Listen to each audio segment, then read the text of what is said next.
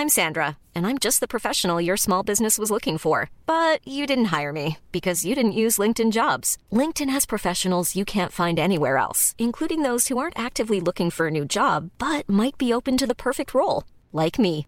In a given month, over 70% of LinkedIn users don't visit other leading job sites. So if you're not looking on LinkedIn, you'll miss out on great candidates like Sandra. Start hiring professionals like a professional. Post your free job on linkedin.com/people today. Hey, I'm Ryan Reynolds. At Mint Mobile, we like to do the opposite of what Big Wireless does. They charge you a lot, we charge you a little. So naturally, when they announced they'd be raising their prices due to inflation, we decided to deflate our prices due to not hating you. That's right. We're cutting the price of Mint Unlimited from $30 a month to just $15 a month. Give it a try at mintmobile.com slash switch. $45 upfront for three months plus taxes and fees. Promo rate for new customers for limited time. Unlimited more than 40 gigabytes per month. Slows. Full terms at mintmobile.com.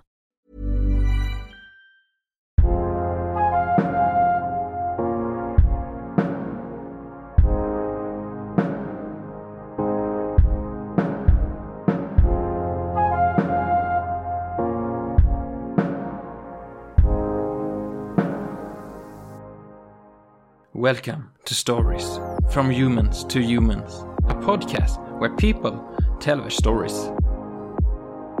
Idag har vi en berättelse om den nyktra alkoholisten och hans resa genom stölder och missbruk. Detta har lett till den fina människa han är idag. Varmt välkommen, Leffe Brunström. Innan vi börjar Leffe, skulle jag vilja veta, var kan vi följa dig genom din resa? Jag bor i Småland. Jag har Instagram, jag har vad heter Facebook. Jag har inte gått ut så mycket på Twitter och Instagram om mitt liv, men det kanske jag ska göra snart. Jag tänkte Leffe att vi ska gå tillbaka i tiden här för dig. Mm. Tillbaka till eh, din uppväxt. Min barndom. Ja. Kan du beskriva för oss hur en vanlig dag var där? En vanlig dag eh, hemma hos mig. Ja. Min mamma, min pappa vet jag, känner jag inte. Han eh, försvann eh, när jag var fem år gammal. Bodde uppe i Rundvik utanför Nordmaling, mittemellan Umeå och Örnsköldsvik ungefär. Mamma jobbade som sekreterare på Rundviks masonitfabrik. Vad jag vet om pappa, han öppnade en sportaffär i Rundvik, väldigt känd fortfarande, nedlagd sedan många år tillbaka. Men min pappa var alkoholist. Okej. Eh, vad heter det? Alkoholen var mycket tidigt hos mig, men de, den delen kände inte jag igen då. När jag var sju år gammal fick mamma ett nytt jobb i Sandviken på Sandvikens kommand som eh, chefssekreterare åt eh, han Björkegren, eller vad fan han heter. Han försvann, han blev mördad eller vad fan det blev. Någonting var det i alla fall. Min mamma träffade en ny karl. Alkohol. Alkoholist. Då började jag inse att eh, det var jobbigt när de var på fyllan hela tiden. För min mamma ville ju dricka kapp så och som inte han drack upp alltihopa. Så det blev pö om pö där, så vad heter det. När de drack då gick jag och gömde mig och tog brorsan med mig och gick in i vårat rum och, och för själva där.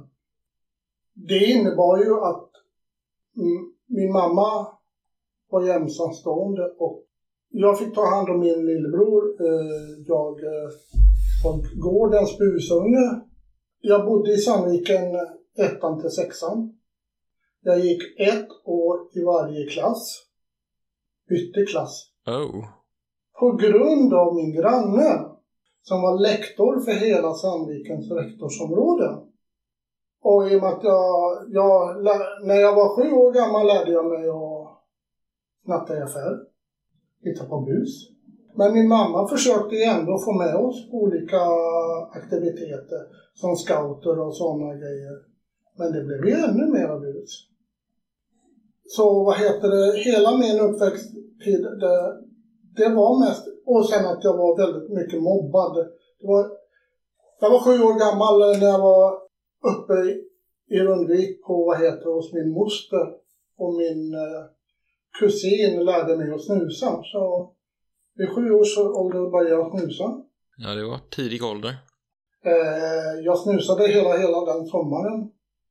Sen vet jag inte om jag gjorde något uppehåll eller något sånt. Det är jag osäker på det, men eh, jag var stolt att jag kunde snusa i alla fall och vad heter det, kunde visa mina klasskamrater att jag snusade och sådana grejer. Och, de tyckte det var häftigt att jag kunde snusa och inte dem. Ja, det blir ju lätt så att man försöker som barn att göra någonting som får de andra att se upp till en.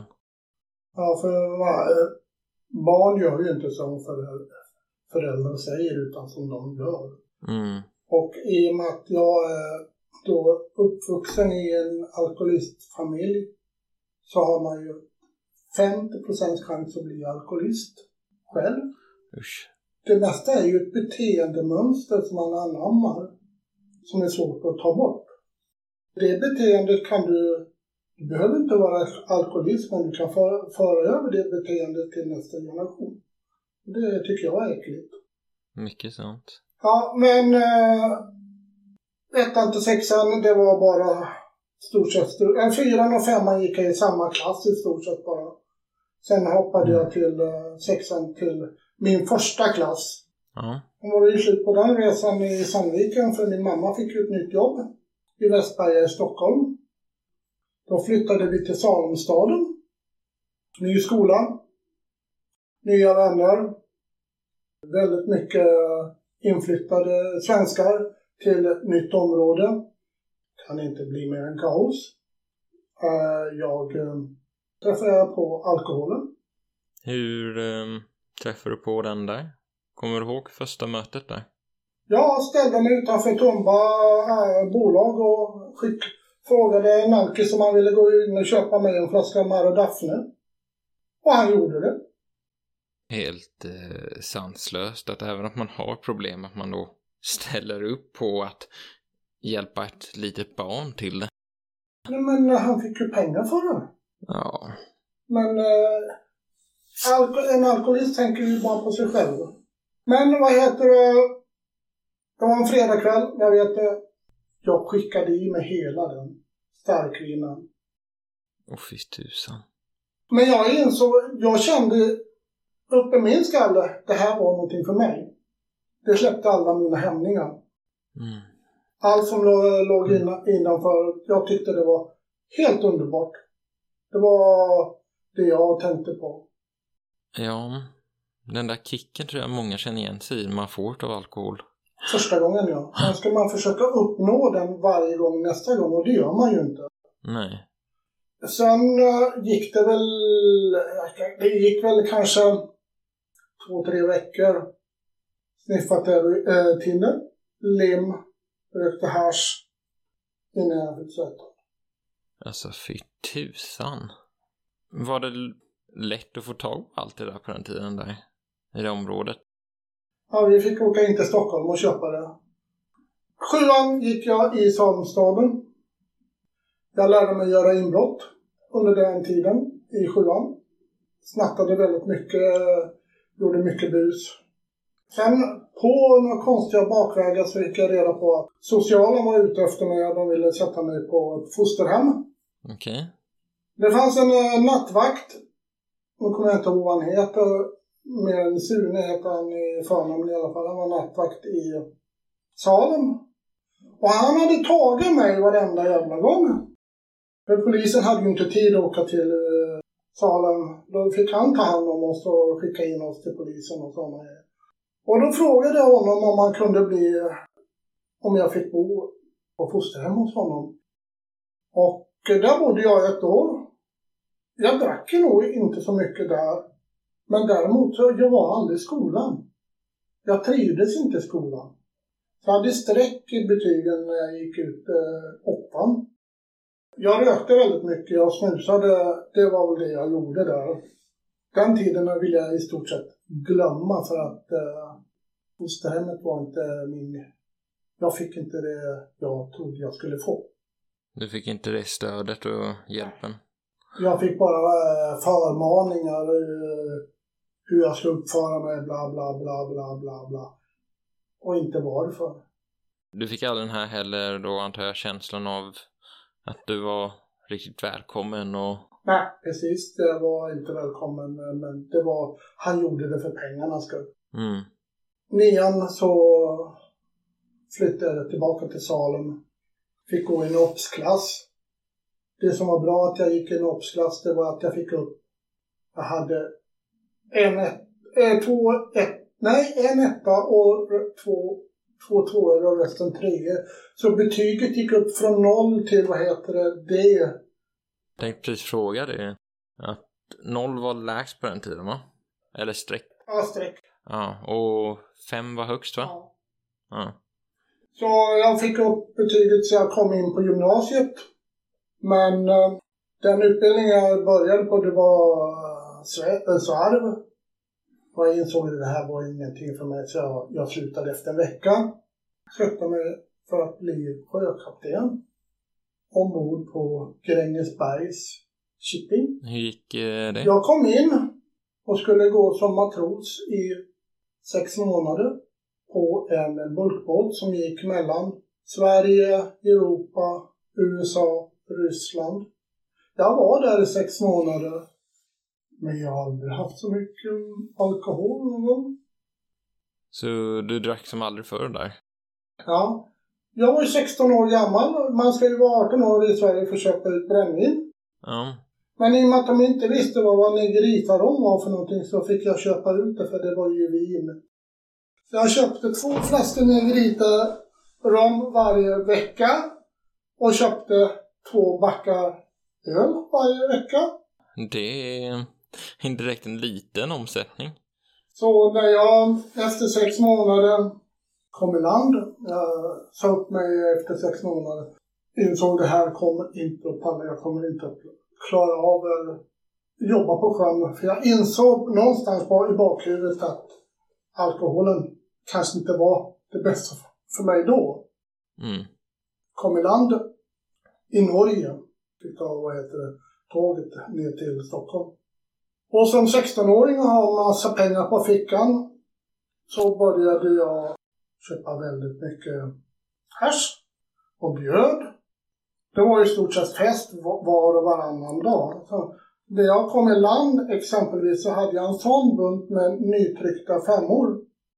Så jag gick till en bokbindaraffär och köpte klister. När jag kom in i affären så slet jag av pengarna. Varför limmade du fast dem? Jo men det se ut som en...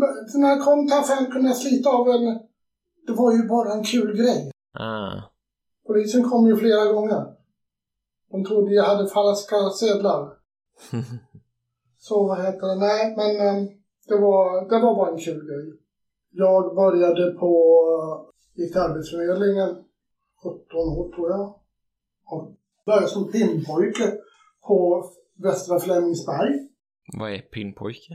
Han eh, får springa med pinnen, eh, han som mäter ut. Jag mäter avstånd. Ja, ja pimpojke. Aha. Han fick göra allt skitjobbet. Uh, springa muren. Ja, jag ska ha en backe. Ja, då fick jag springa och hämta den backen och ge till muren och sådana där grejer. Det var ju den tiden det var accepterat att dricka på jobbet. Så jag kunde ju sno en öl där också. Sådär. Ja, det var andra tider. Eh, 18 år, började på en folkhögskola läsa upp mina betyg. Så långt hade jag ju kommit. Första halvåret gick jättebra. Skaffade mig en tjej, jag hade, det var riktigt trevligt, allting var helt underbart. Så av någon anledning så kom det in eh, vä- vänster hippies, om man säger det. Ja. Mycket droger. Så prövade amfetamin. Mm. En trevlig drog tyckte jag då. Och hasch. Och det slutade med en kombination av alkohol, brass, narkotika. Så fick jag en snedtändning i skallen. Slutade med att jag hamnade på Kumla. Så jag var frihetsberövad i på Kumla ungefär i sex månader. satt häktad bland eh, intagna. Och där fick man ju lära sig allt. Sen hade jag skyddstillsyn i cirka fem år. Då hade jag hunnit flytta med, vad heter det, familjen ner utanför Västervik. Det var väl helt okej okay utanför Västervik ett tag i alla fall. Det var för långt till affären. Det tog för lång tid att cykla in och köpa öl och så. Det var inte, jag drack ingenting där. Jag drack där men eh, jag hade inga andra droger utan jag har aldrig varit sovit på parkbänken. Okej. Okay. Jag har alltid haft ett litet rum hemma hos morsan. Hela tiden. Det måste ju vara en befrielse.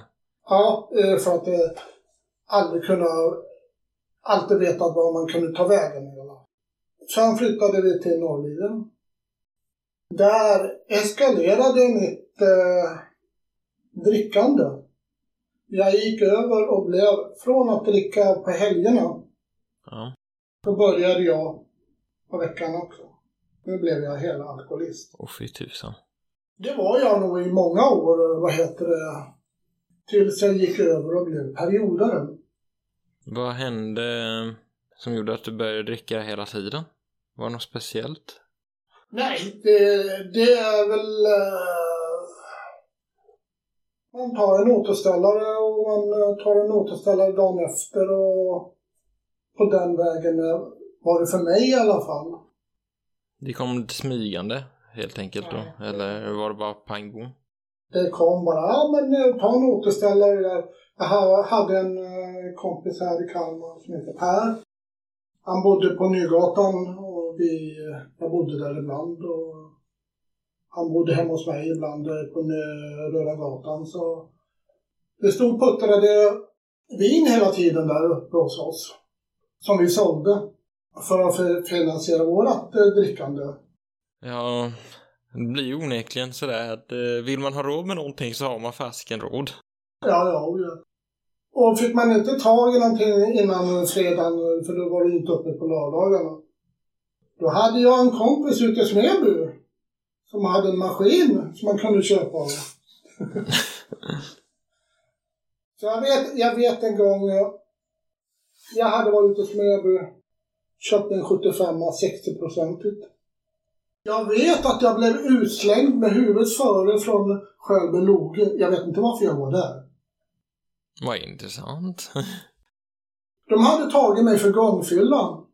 4,0 i promille hade jag. Åh oh, fy fan. Så när jag vaknade på morgonen så sa sjuksköterskan till mig att du måste blåsa innan du går ut för jag måste ha reda på hur mycket du har i promille. Jag hade 1,0 jag var helt nykter. Och då sa hon det, du får inte gå till, ner till drottning Margaretas väg. Det var det enda jag hade i huvudet. De hade öppet på morgonen. Morsan flyttade till eh, Öland. Och eh, bodde jag i ett mindre uthus med vinterbonat och alltihopa. Så jag hade ett eget hus på tomten. Där bodde vi några år. Men jag, jag tänkte att jag, må, jag måste ta mig härifrån och sådana grejer. Jag träffade en tjej på Lundegård. Jag flyttade till Växjö. Började på en som heter Malmqvistas... Nej, det gjorde jag inte. Jag ljög svetsutbildningen först i Växjö och sen började på Malmqvistas Men alkoholen fanns ju där hela tiden. Jag drack ju väldigt mycket. Mm. Men jag smög ju med det. Den här eh, klassiska att eh, inte synas. Ja, precis. Och jag tyckte det att men om vi nu ska vara förlovade så ska vi väl inte bo, vad heter det, hemma hos dina föräldrar. Inte bättre att vi ska ha alltså oss ett eget. Och det gjorde vi. Men där när vi flyttade ihop och vi hade kommit till Sandstad så tilltog mitt alkoholmissbruket igen. Det innebar ju att vårt förhållande sprack. Jag flyttade tillbaka till Öland och sen flyttade jag in till Kalmar själv och morsan eh, flyttade tillbaka till eh, Norrlina. Jag vet inte vart hon flyttade i Norrlina. Sen ville morsan ha ett eget hus. Så hon hade varit och tittat på lite hus i Patamalm, där jag bor nu. Hon hittade ett hus, hon fick det huset 84. Och hade en gubbe som, eh, ja, alkis var han med. Jag flyttade, jag blev utsläppt från häktet här i Kalmar. Tog bussen in till Patamalm och jag kommer runt hörnet och säger, vad heter det, Börje bara det.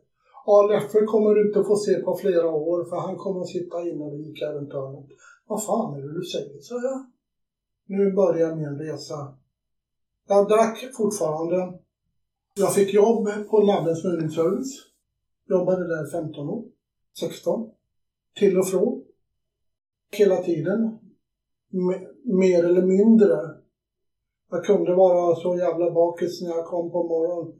Eh, så muran var att säga du får inte gå upp på ställningen för du är för jävla bakfull. 89 tror jag det var. Tog jag kontakt med alkoholmottagningen i Mönsterås och frågade hur jag skulle kunna... Jag kände att det här går inte. Jag fick åka till Tingsryd. Det är anonyma alkoholisters... Hiring for your small business? If you're not looking for professionals on LinkedIn, you're looking in the wrong place. That's like looking for your car keys in a fish tank. LinkedIn helps you hire professionals you can't find anywhere else, even those who aren't actively searching for a new job but might be open to the perfect role. In a given month, over 70% of LinkedIn users don't even visit other leading job sites. So start looking in the right place. With LinkedIn, you can hire professionals like a professional. Post your free job on linkedin.com slash people today. Burrow is a furniture company known for timeless design and thoughtful construction and free shipping. And that extends to their outdoor collection. Their outdoor furniture is built to withstand the elements, featuring rust-proof stainless steel hardware, weather-ready teak, and quick-dry foam cushions. For Memorial Day, get 15% off your Burrow purchase at burrow.com slash ACAST and up to 25% off outdoor. That's up to 25% off outdoor furniture at burrow.com slash ACAST. Planning for your next trip? Elevate your travel style with Quince. Quince has all the jet-setting essentials you'll want for your next getaway, like European linen, premium luggage options, buttery soft Italian leather bags, and so much more. And is all priced at 50 to 80% less than similar brands. Plus, Quince only works with factories that use safe and ethical manufacturing practices. Pack your bags with high-quality essentials you'll be wearing for vacations to come with Quince. Go to quince.com/pack for free shipping and 365-day returns. Millions of people have lost weight with personalized plans from Noom, like Evan, who can't stand salads and still lost 50 pounds. Salads generally for most people are the easy button, right? For me, that wasn't an option. I never really was a salad guy. That's just not who I am. But Noom worked for me. Get your personalized plan today at Noom.com. Real Noom user compensated to provide their story. In four weeks, the typical Noom user can expect to lose one to two pounds per week. Individual results may vary. Uh, då var anonyma alkoholiters hem för nyktra till. Fick lite verktyg och ska hjälpa dig på vägen. Det hjälpte mig i två år. Det finns någonting som de kallar för det rosa molnet. Det går så jävla bra. Jag föll som en fura. Jag hamnade där igen. Och 90, ja, hela 90-talet var en dimma i stort sett. Jag söp hela tiden. Jag hade tillfälliga jobb, eh, tillbaka till muren. en annat jobb, supa hade. Jag visste inte vad jag skulle göra. Men jag bodde på Patamalm hela tiden. 94 så dör min mamma. Det kan ju inte varit enkelt i den här situationen i livet. Jag eh, hade samma veva kommit in på en folkhögskola utanför Trosa. Gick där ett år. Men eh, jag var ju nykter på skolan men eh, vi skulle ju göra en så kallad Finlandsresa. Ja, det var länge sedan jag var så jävla full. Blev utslängd från skolan för det var någon som skvallrade att jag var på fyllan. Eh, det var ju noll tolerans på alkohol där. Jag eh, kom tillbaka till Mönsterås. Bodde i Mönsterås ett tag. Fick tag i muran igen och frågade hur det var med det där huset jag bodde i, i Patan. Ja, men det blir ledigt då. Vad bra, då tar jag det igen, sa jag år 2000. 22 juni 2000. Sista gången jag sa.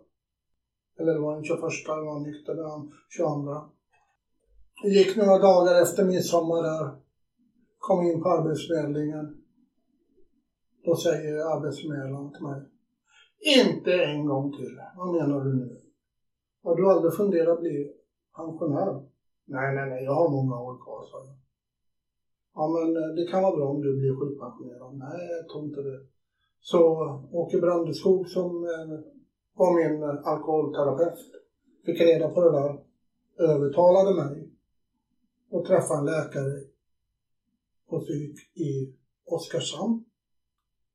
Hon tittade på mig och sa det, när ska du få lugn och ro? Hur menar du? Ja, när ska du få lugn och ro? Ja, det blir när jag får en etta utan fönster, sa jag. Nej, det får du nu. Här har du ett års sjukskrivning. Men hur reagerade du då när hon sa att, eller han, nu får du ett års sjukskrivning? Det var någonting som släppte i mig. Jag vet inte vad det var för någonting. Jag accepterade och det sjönk in. Jag har inte tagit en droppe alkohol sedan dess. Det måste ha varit eh, stor räddning då ja. Ja, ja, ja, ja, ja. Det var. Om det var sjukskrivningen som gjorde att jag blev uh, nykter, det vet jag inte. Men det kan vara en bidragande orsak att jag... Kom dit. Som läkaren säger, du ska ha lugn och ro. Innan vi fortsätter här nu, jag är väldigt nyfiken på din omgivning. Du hade en bror, du hade din mamma och du hade säkert eh, vänner. Sen förlorade du ju din eh, trolovare. Hur påverkade den här resan alla andra runt dig? Om man säger så här, man, har man en alkoholist ska man ju förlåta de eh, nära och kära.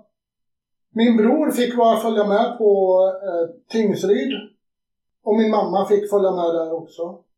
Men eh, ingen av dem kunde acceptera. Min mamma hade bara i huvudet, ja men du satt på Kumla, du satt på Kumla. Det enda hon kunde säga. Hon kunde inte eh, acceptera. Min bror, jag tror det tog nog tio år innan han accepterade att jag var nykter. Jag hade ju tappat min bror. Han ville ju inte prata med mig egentligen. Vi har väldigt bra kontakt i dagens läge. Och det tog, eh, i samband med att jag blev nykter, bytte jag förnamn. Från Leif till Leffe. För Leif är han ju alkoholisten, för är den nyktra. Så hur um, kändes det för dig att se att du förlorade så här, de nära och kära och inte ville ha kontakt med dig så mycket längre? Ja, men det, det såg inte jag då under den tiden jag var aktiv i den. När du fick den insikten då, vad hände? Nej, men det, det bara låta, låta tiden gå sin gång. Och vad heter det? Det viktigaste är att få min bror, eh, att han ska acceptera mig. Men han har ju accepterat mig nu. Så att det, jag kan ringa upp honom lite då och då och prata. Kanske hoppa lite i förväg så här, men hur kändes det den dagen när du började få kontakt igen med din bror? Det enda jag kände det var väl att acceptera att han accepterat att jag heter Leffe. Det, det var ju väldigt svårt att acceptera att jag heter Leffe istället för Leif. Jag var tatuerad eh, och lite sådana det, Och det jag sysslar med i dagens läge, det vet ju både du och jag vad jag gör för någonting. Det kan de inte acceptera för de förstår inte, de vill inte förstå det. Så det är den värsta biten, att de inte vill förstå den delen. Men ändå, att ni kan ha... Att ha den här kontakten måste vara väldigt skönt att kunna... Ja, jag tycker det är helt underbart faktiskt. Eh, brorsan är professor på Mittuniversitetet bland annat. Professor Baltasar, men då har jag chef en jävla murare. Det, det var som du sa innan, det var ju 50-50% chans om man har alkoholen uppvuxen där. Och du var den andra 50 procenten. Och han tog vara på sin tillfällighet. Så nu, nu, är jag, nu är jag nöjd med mitt liv, men jag skulle vilja ha lite mer. Inte bo själv. Kanske ha ett fruntimmer. Ja, det går väl att fixa med tiden. Få in ett fruntimmer i mitt hus. Det ska ut från mitt hus. Nej, det ska vara kvar. Det jag ha. Nej! Det kommer ju gå åt helsike. Säg inte det. Att ha en partner i sitt liv är fantastiskt. Både ja och nej. Vad hände då från dagen du blev nykter till idag? Mer än att du börjar få kontakt med folk igen? Vad hände? Ja, växte nog inom mig egentligen. Jag kan inte... Jag är väldigt blyg i stora samma, äh, sammanhang. Där kan jag inte...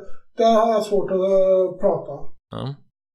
Men kommer jag in i ett litet sällskap där jag känner alla så vet ju du att jag lider av mundiarré. Ja, då pratar du som aldrig förr. Ja, precis. Så där har jag vuxit en hel del. Men i större sammanhang, jag tror att fortfarande att jag kommer ha hugga efter om jag går upp på en scen med mycket folk framför mig. Hur är kampen idag emot alkohol och droger och... De, drogerna la jag av när jag var 25. Jag har inget, inget som helst problem med. Alkoholen?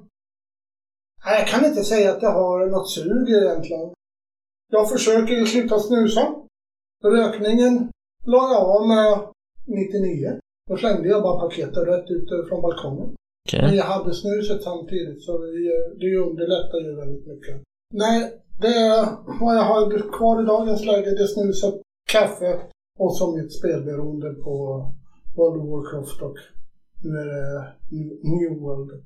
Men det tar jag som en klackspark. Ja, alla har något typ av beroende. Ja, det, men det är bra tidsfördriv på kvällarna hemma. Så att säga. Um, jag tänkte på, du har ju varit ute och föreläst lite om det här med alkoholism och alkohol och sånt. Inte föreläst, utan jag berättar om min resa. Ja. Jag kan inte berätta om någon annans resa. Jag kan bara berätta om min egen resa. Och jag tänkte på, du nämnde för mig häromdagen om en replik du hade sagt till någon ung tös om att eh, Man kan inte vara lite gravid. Antingen är du gravid eller du är inte gravid. Den är rätt så bra. Det är samma sak med en alkoholist. Jag är alkoholist men jag är en nykter alkoholist i dagens läge. mm, det var den jag tänkte på. Det var, jag tyckte den var väldigt bra beskrivning utav allting. Ja, den, den är lätt att förstå för de som inte är beroende Mm. av droger eller... Ja, nu drar jag alkohol också över. Det är också en drog. Det är ju faktiskt det. Så vad heter det? Det var ungefär som jag träff, gick upp i Ålem och så träffade jag en kille där. Och så, så hur går det för dig? Ja, jag är nykter. Jag är nykter sedan åtta år tillbaka. Ja, vad trevligt, sa jag. Jag går på Metadon. Jaha, men kom igen när du är nykter nu, sa jag. Så gick jag bara. Han var ju inte nykter. Han fick ju utskrivet av läkaren. Han var inte nykter, han var nykter för omgivningen. Det är ju likadant som eh, de som går på antabussen och sådana grejer. Du är inte nykter för dig själv. Du är nykter för omgivningen. Det, det är ett bra hjälpmedel, ja. En månad, två månader. Men sen är det ju upp till dig om du ska, vad heter det, klara av resten. Ja, det mesta sitter i huvudet säger de ju. Ja, oh ja. Men du måste också nå din egna botten. Ja. För har du nått din egna botten så har du mycket lättare att komma tillbaka. Om vi tänker på din berättelse här nu då. Finns det någonting som du aldrig innan har berättat för någon annan om det här? Ja, det finns väl många som inte har hört hela min berättelse. Men är det någonting som du känner, det här har jag nog inte tänkt på innan men någon, folk borde veta det. Eller få veta. Det är väl upp till dem att avgöra om de vill veta eller inte. Det är min berättelse. Jag kan inte ändra på den. Sant. Sen eh, jag tänker tillbaka på hela eh, det du har berättat här idag. Så tänker jag lite också på det här. Eh, när du var i Stockholm och du började lära dig inbrott och det var det ena efter det andra. Det är grupptrycket. Ta några exempelvis. Jag jobbade som fritidsledare och femmorna skulle ha en, en sån här cykeldag med polisen och sådana grejer. Och jag står där och pratar med en polis. Ja, jag, jag har bott i Salomstaden, sa jag. Ja, jag vet, så. Vad fan menar du? Jo, du förstår, när jag var nyutbildad polis så hamnade jag i Huddinge. Då fick jag nys på en liten eh, liga i Salomstaden, gick under nyckelligan. Då vände jag och gick bara. Men han sa så här. Du ska vara, jag är jätteglad att du lever. För det är bara du som lever och dina kompisar. Den sista som dog, han dog på Huddinge station. Och fy tusan. Så det är egentligen bara jag som har klarat mig. Av de han kände igen att jag var med ihop med så att säga. Ja. Det är en bra allt konstigt hur saker och ting händer. Ja, ja, så att jag flyttade från Stockholm ner till Småland var ju en jättebra grej i slutändan. Men var man än flyttar så man flyttar ju inte från problemet för det följer ju med. Så du måste ju ta bort problemet för att du ska kunna nyktra till. Och på tal om nyktra till då. Eh, om du skulle ge till de som lyssnar på det här nu några tips. Om de har någon vid sig som dricker mycket som de är oroliga över. Eller om, om du själv där ute har problem som du känner till. Vad skulle du vilja säga till dem? Om ni känner någon som dricker för mycket, ta inte den personen när han har druckit. Ta den personen när han är bakis. Det enda gången det kommer går in i skallen att eh, de tar emot det. Tipsa om anonyma, anonyma alkoholister. Och eller om du tycker att din vän håller på att dricka för mycket och du Försök inte göra personen nykter för det kan göra att du blir medberoende själv och det slutar med att ingen av er kommer må bra. Så bästa tipset det är att anonyma alkoholister, någon alkoholterapeut får ta hand om det. För vi är inte professionella som eh, ska hålla på med sånt där utan det måste ju vara några som vet hur man gör. Och en, eh, jag får ju många sådana frågor om eh, folk som eh, Ja, min pappa dricker för mycket. Min pappa ligger på eh, lasarettet. Jag hade nu en som eh, låg på. Och han eh, kom vi träffas bara sådär på... Du, min pappa har elva flaskor whisky hemma. Ja, ta dem och så skriver du en lapp. Ja, vad ska du stå på den lappen? Ja, ta de här, vad heter det, flaskorna för dig. Och det är för din egen skull. Jag gör det. Och så skriv in någonting som har med kärlek att göra till dig. Det gjorde han och det slutade med att han fick ta flaskorna. Att eh, ibland eh, går det. Så att, eh, ja men... Eh. Men om man är i skiten själv då och man har börjat inse att man kanske har något problem. Vad, vad tycker du man ska göra då? Ta kontakt med alkohol på, eh, alkoholterapeut eller anonyma alkoholister. Länkarna går väl. Eller eh, är du lite kyrklig av det, ta hjälp av din gud då i så fall. Jag är inte mycket för Gud och sådana grejer. Det finns ju de som tror på Gud, så låt dem tro på Gud eller Mohammed eller Buddha eller vem nu det är du tror på. Eller någon, bara en högre makt. Något som kan hjälpa dig. För det är bara du som klarar av det. Eller gå till sjukvården om du har alkoholproblem och be att få antabus i tre månader så du kan reda ut det själv och ta kontakt med de här olika terapeuterna eller anonyma alkoholister. Anonyma alkoholister finns väldigt bra här i Kalmar, vet jag. Jag har varit där. De är jättetrevliga. En alkoholterapeut, kommer du till honom via att du har gått via läkaren eller söker du upp honom själv? Ja, jag har sökt den själv. Okej. Okay. Och det gick smidigt och bra för dig? Ja, ja, ja. Det var inga problem. Härligt. Jag måste säga att det eh, är en väldigt berörande berättelse. Träffar en verkligen rakt i hjärtat eh, och höra allting du har varit igenom här i ditt liv. Jag måste tacka väldigt mycket Leffe för att du ställer upp och berättar din berättelse. Och jag tror att många där ute kommer ha väldigt stor nytta av att höra den, kanske känna igen sig eller se att någon annan har någon sån i sin omgivning och få lite så här förståelse för hela situationen.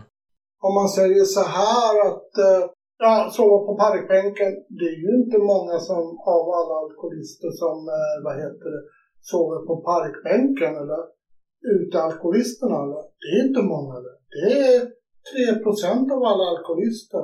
Så det är dolda. Det kan vara en hemmafru som går till bolaget och köper en bag-in-box med vin. Eller en eh, man som jobbar väldigt mycket. Eller du har en eh, chef som säger att du ska göra det och det och det och det. Du måste prestera en hel del. Ja, och då börjar vi komma upp på andra droger, då börjar vi komma på kokain och sådana grejer. Och det är väldigt vanligt, mer än vad man tror. Ja, i dagens samhälle så är det visst det. Ja, det är väldigt vanligt och jag tycker att eh, men jag vet inte hur det skulle vara om vi, har, om, om vi leker med tanken att ett samhälle utan droger och alkohol, vad tror du vi hade haft då? Vi hade haft ett gäng dårar. Någon form av njutning behöver folket, men eh, ett glas vin till en fredagkväll eller en lördagkväll är helt okej okay, tycker jag. Det, för någon som klarar av det. Jag vågar inte. Jag vågar inte ens ta en alkoholfri öl. Jag förstår det med tanke på hela din berättelse. Mm. Jag var på eh, ett bröllop eh, till mina grannars barn några år sedan. Ja, jag ska ta och smaka en sån här alkoholfri öl. Och det var det värsta jag druckit. Jag, jag var tvungen att hälla ut det. Det gick inte. Jag kunde inte dricka. Hur många år är det nu då du har varit nykter? 21. Grattis. Jag tänker ju bara på min nykterhet fortfarande 24 timmar framåt. Allt annat planerar jag. Min nykterhet är bara 24 timmar framåt. Det kan också kanske ett bra tips då till folk att ha med sig. Ja. Planera bara din nykterhet om du har problem i 24 timmar. Går jag lägger mig på, på kvällen så vet jag att jag är i alla fall nykter på morgonen när jag vaknar. Det är bara nya, nästa beslut igen. Och har du problem, ja men eh, sätt eh, en eller två timmar eller kanske tolv timmar bara. Det är upp till var och en hur man vill sätta det. Men allt annat planerar jag. Fantastiskt. Det tror jag kan vara ett superbra sista tips till alla där ute att hitta en tid som passar dig och planera. Tack så mycket Leif för att du kom. Tack för att jag fick komma. Får du ha en fantastisk dag. I nästa veckas avsnitt följer vi Ilko från flykten genom Bosnien till att bli kommunalråd i Borgholms kommun. Häng med oss då på denna otroliga resa. Ha nu en toppenvecka.